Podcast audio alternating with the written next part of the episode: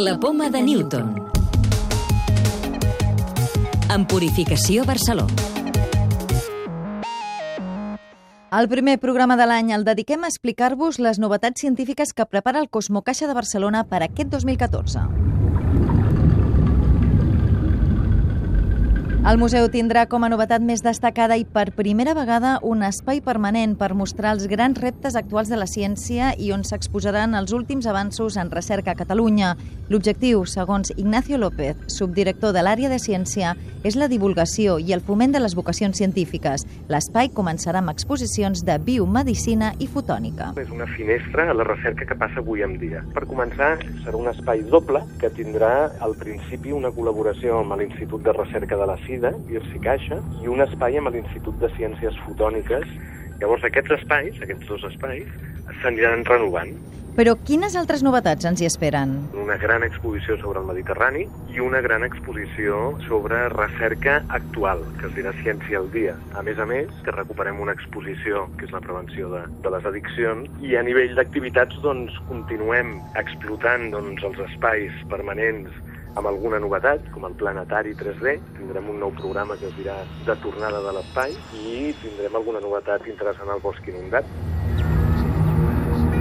L'exposició Mediterrani és l'altra gran exposició de Cosmocaixa que té una novetat molt important i és que té activitats participatives, com per exemple hi ha hagut un concurs de fotografia per internet, hem rebut més de 250 fotografies que sortiran a l'exposició, o hem rebut també 80 mostres de sorra de diferents sorres del Mediterrani.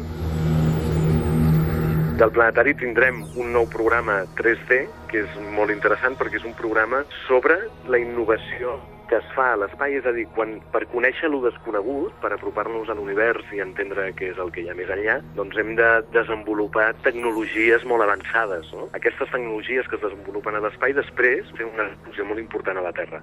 Pel que fa al bosc inundat, incorporarà noves espècies. El museu també oferirà, com cada any, activitats educatives i familiars, com ara el Cosmocaixa Kids i el Sonar Kids.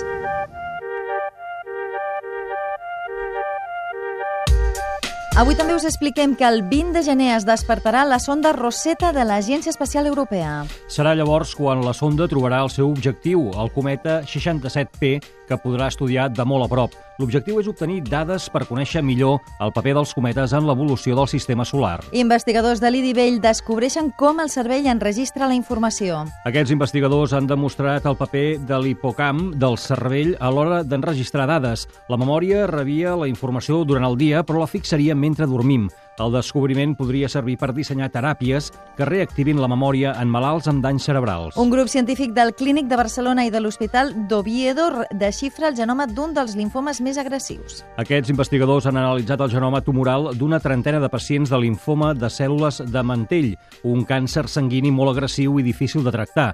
La investigació permet identificar noves dianes terapèutiques contra el tumor. La clau de volta.